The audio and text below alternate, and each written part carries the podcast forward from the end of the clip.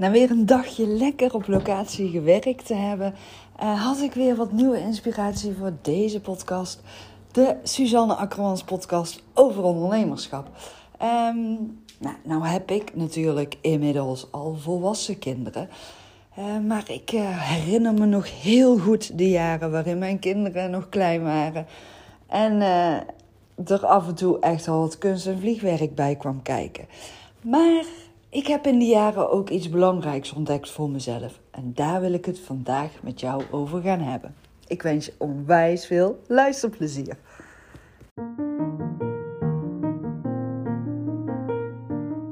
Welkom bij de Suzanne Akkermans podcast, de podcast over ondernemerschap voor het midden- en kleinbedrijf.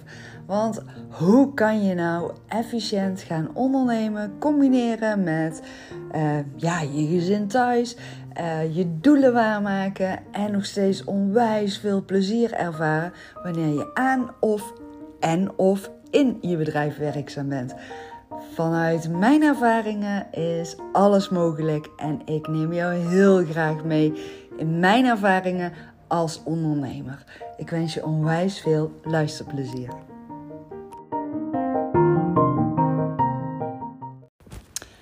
Vanmorgen had ik uh, dus weer een uh, locatiebezoek in de kinderopvang gehad. En was ik dus in mijn onderneming werkzaam in plaats van aan mijn onderneming werken. En uh, ja, ik moest dus ineens weer even terugdenken aan die jaren dat ik die gescheiden moeder was met kleine kinderen en die eigen onderneming. En ja, weet je, ik had binnen de kinderopvang uh, alleen maar uh, vrouwelijke medewerkers in dienst. Dus een team uh, wat bestond uit alleen maar vrouwen. En ehm, ja, weet je, die waren ook moeder, die hadden ook jonge kinderen. Um, nou ja, sommigen waren nog vrijgezel, sommigen wilden kinderen krijgen of waren zwanger. Dus het was echt alles om mij heen bestond uit de kleine kinderenwereld. Ja, ik geniet daar sowieso gigantisch van. Maar wat me wel opvalt als ik eh, met eh, vrouwelijke ondernemers, moeders eh, mag sparren, dan hoor ik toch heel vaak van ja, hoe kan je nou de juiste balans vinden en jezelf niet verliezen in alles wat er van jou verwacht wordt en alles waar jij verantwoordelijk voor bent. Zoals dus je kinderen, maar dus ook je onderneming. Hoe maak je keuzes? Wanneer maak je welke keuzes? En ja, vooral, hoe kan je ook nog gewoon tijd lekker voor jezelf nemen of creëren? Nou, daar wil ik vandaag in deze tweede podcastaflevering um, ja, eigenlijk mijn ervaringen over gaan delen en mijn tips over gaan delen ook. Kijk, weet je, ik heb het ook meegemaakt hè? en ik heb ook kunst- en vliegwerkjaren ervaren. En ik had daarbij nog de zorg voor mijn zieke vader op een gegeven moment. Nou die is tien jaar ziek geweest. Um, toen waren mijn jongste kinderen nog net geen twee, nee, nog net geen drie. Dus ik had een tweeling van ruim 2,5 en oh, nog een, een dochter van, volgens mij was zij net vijf dan. Dus ja, en daar de zorg van een zieke vader bij dat is best wel pittig.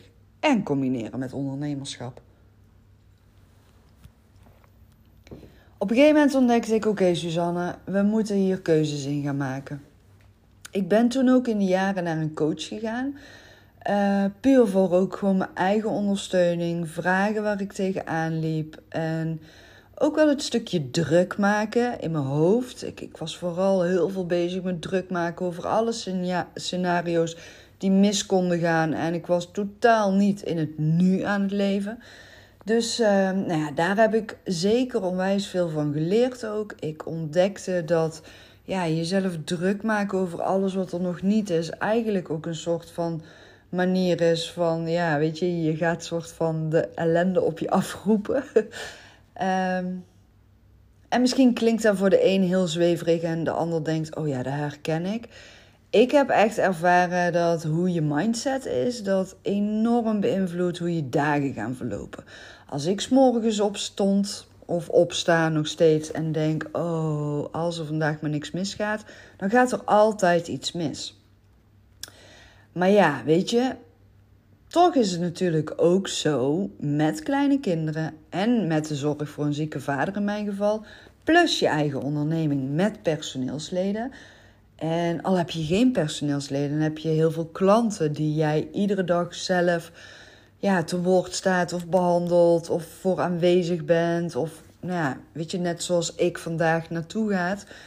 Ehm, ja, als er dan dingen tegen zitten, je kinderen worden ineens ziek of, of ja, noem het maar op. Er kan van alles gebeuren. Ineens hebben ze een studiedag van school of een klant zegt een afspraak af. Heb je ineens een gat in je dag. Uh, nou ja, noem het maar op. Er kunnen duizend en één dingen zijn waardoor je planning, zoals jij het had bedacht, even anders gaat lopen. Ik heb geleerd om te structureren. Zoals ik in mijn allereerste podcastaflevering van de Suzanne Akkermans podcast ook die gouden tip heb gedeeld. Ga structureren. Ga kijken wat ben je nou allemaal iedere dag aan het doen. En dat gaat sowieso al wat helpen. Daarnaast, want weet je, dan heb je natuurlijk nog steeds, er kunnen nog steeds die onverwachte dingen gebeuren. Ja, flexibel daarmee om leren gaan. Maar ja, hoe doe je dat? Ik weet niet, misschien ben jij wel een mega, mega, mega controlfreak. En um, wil je echt gewoon heel graag alles onder controle hebben. En hou je er gewoon van dat alles ook gewoon echt zo loopt zoals jij het graag wil. Um, ja, weet je.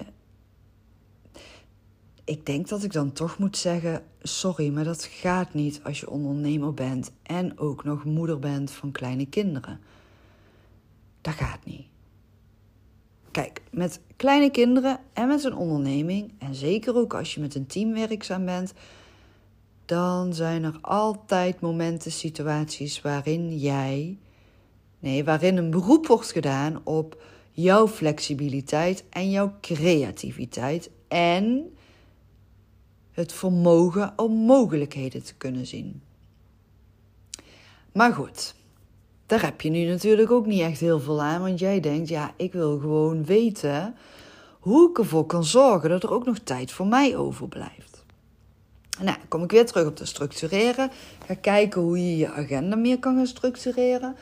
Maar ook, ehm, nou, wat ik bijvoorbeeld deed, ik deed altijd uh, mijn kinderen s morgens eerst naar het kinderdagverblijf brengen. De oudste ging ik naar school brengen. En daarna had ik altijd minimaal een uur tijd voor mezelf. Ik deed nooit afspraken om 9 uur inplannen. Tenzij ik daar echt niet onderuit kwam. En dan deed ik dat maar één week in de maand. Dus één week in de maand stond ik mezelf toe om afspraken om 9 uur in te plannen. De rest van de weken van de maand plande ik geen afspraken om 9 uur in. De eerste afspraken waren altijd tussen half tien en 10 uur. Daarbij ik had dus ook een team waar ik mee werkte. Ik vond het altijd heel belangrijk om mijn dagen op te kunnen starten met mijn team. Overleggen met mijn team. Even een vragenrondje. Gewoon even een rondje langs mijn team gaan. Uh, zodat ze ook zichzelf gezien, gehoord en begrepen konden blijven voelen. Maar ook wisten wanneer ze hun vragen bij mij konden neerleggen. Ze wisten gewoon om half tien komt Suus eerst eventjes bij ons langs. En dan als ik dus afspraken had om half tien, dan plande ik die afspraken ook weer in vaste weken in. Dus kom ik weer terug uit op die structuur. Dat is werken met een team en eigen tijd inbouwen en structuur aanhouden.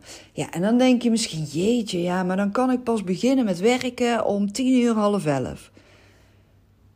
Dat is een verkeerde denkwijze, zo zie ik het. Ik zie dat als ehm, alle tijd die ik al aan het investeren ben in mijn team, ben ik al aan het werk. Dat hoort bij mijn functie, dat hoort bij het ondernemerschap, dat hoort bij mijn onderneming er zijn voor mijn teamleden. Dus ook daarin, dat is al werk. Ik werkte toen mijn kinderen klein waren alleen maar onder schooltijd. In mijn kinderdagverblijf. Aan mijn kinderdagverblijf. Ik ben heel bewust gaan kijken wie kan ik welke taken uh, gaan uitbesteden. En nee, dat deed ik echt niet vanaf dag één. Er is ook echt een gigantisch proces aan vooraf gegaan van jaren. Maar uiteindelijk ontdekte ik dat ik in mijn team uh, diverse pareltjes aanwezig had. En ik ging gewoon kijken welke talenten heeft iedereen en bij wie past dan het beste welke taak. Dus uitbesteden. Nu werk ik niet met een team, nu werk ik met ZZP'ers. Dus bijvoorbeeld mijn uh, online academie, um, alles daaromheen heb ik uitbesteed aan een virtual assistant.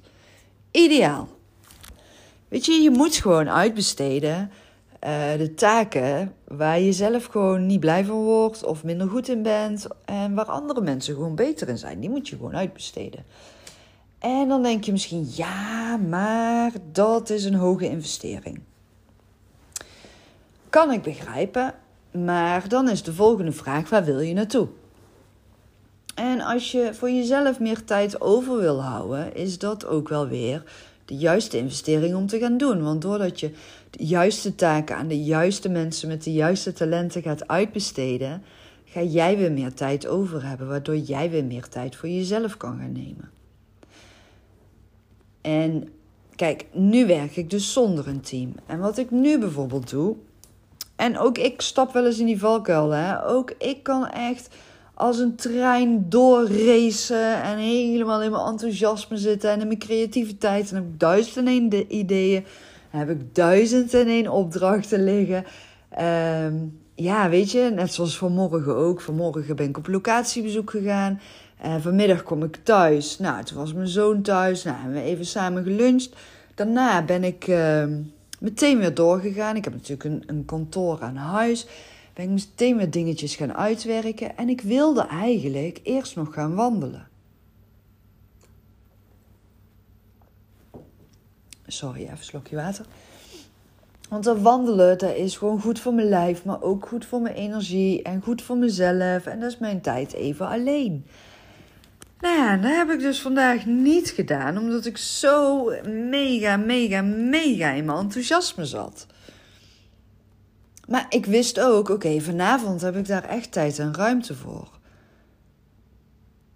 Dus, weet je, nu ga ik zo meteen eten maken. En na het eten ga ik meteen even een rondje lopen. Alles maar een half uurtje. En nou, ik snap gewoon, zeker als je alleen bent. Um, of dus hè, alleenstaande moeder bent, zoals ik in die jaren. Dan is dat veel moeilijker. Um, ja, wat deed ik dan nog meer? Nou, toen mijn kinderen klein waren, toen deed ik ook bijvoorbeeld uh, smorgen uh, voor de. S'avonds deed ik alles al klaarmaken voor de volgende dag. Dus s'avonds zorgde ik dat ik mijn vaatwasser had uitgeruimd. Uh, dus dat, er allemaal alweer, dat die had aangestaan, schoon was, opgeruimd. Ik zorgde dat uh, de ontbijttafel gedekt was s'avonds. Ik zorgde dat de boterhammen gesmeerd waren s'avonds. avonds. Um, en gaandeweg, hoe ouder mijn kinderen werden, hoe meer ik ze ook zelf ben gaan laten doen. Weet je, dat is ook weer stimuleren van zelfstandigheid. Hè? Ze kunnen vaak al veel meer dan dat je zelf denkt. Nou, en dan was het. Uh, ik werkte onder schooltijd en dan uh, na schooltijd zorgde ik dat ik er voor de kinderen was. Gingen ze bijvoorbeeld afspreken. Uh, dan had ik weer even een momentje voor mezelf. Dan kon ik of gaan werken, of ik kon even boodschappen doen, of ik kon iets in het huishouden doen, of ik kon gewoon lekker even een serietje op de bank kijken. Dat was maar net waar ik, hoe ik mezelf op dat moment voelde. En dat was vooral ook waar ik heel sterk naar ben gaan luisteren en altijd naar luisteren. Ik luister heel erg naar, oké, wat heb ik nu nodig? Heb ik nu een rustmomentje nodig?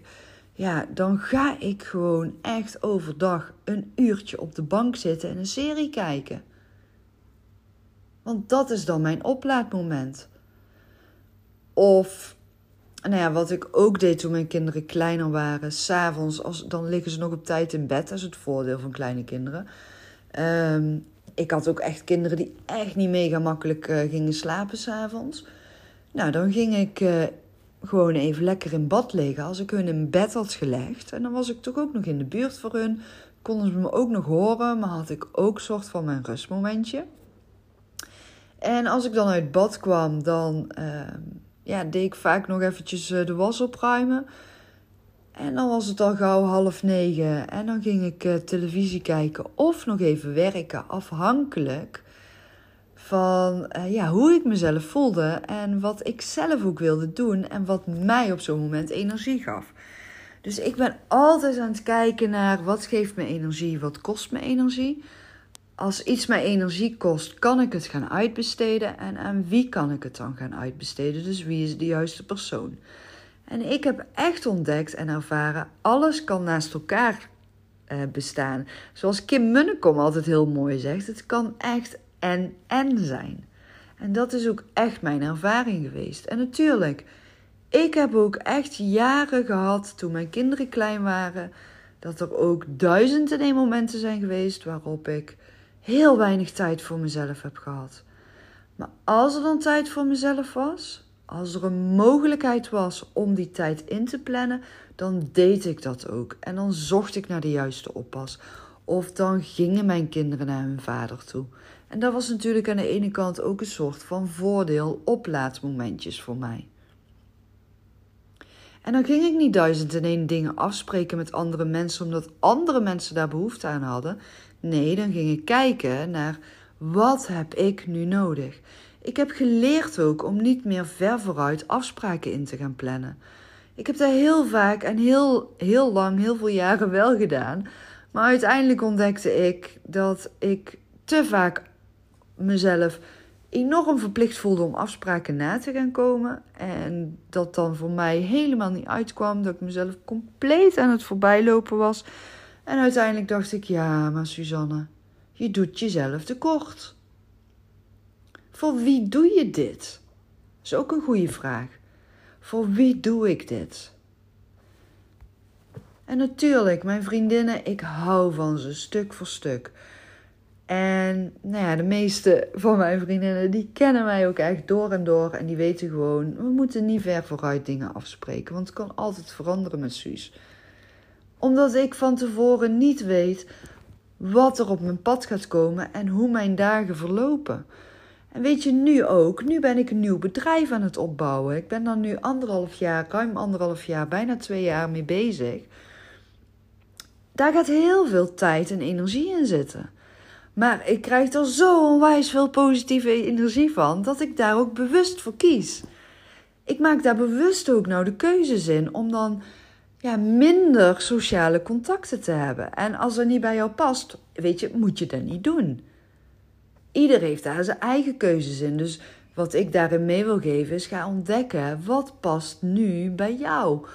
Om dus toch die vrije momenten voor jou te kunnen realiseren. Om toch dat te gaan doen wat jou positieve energie geeft.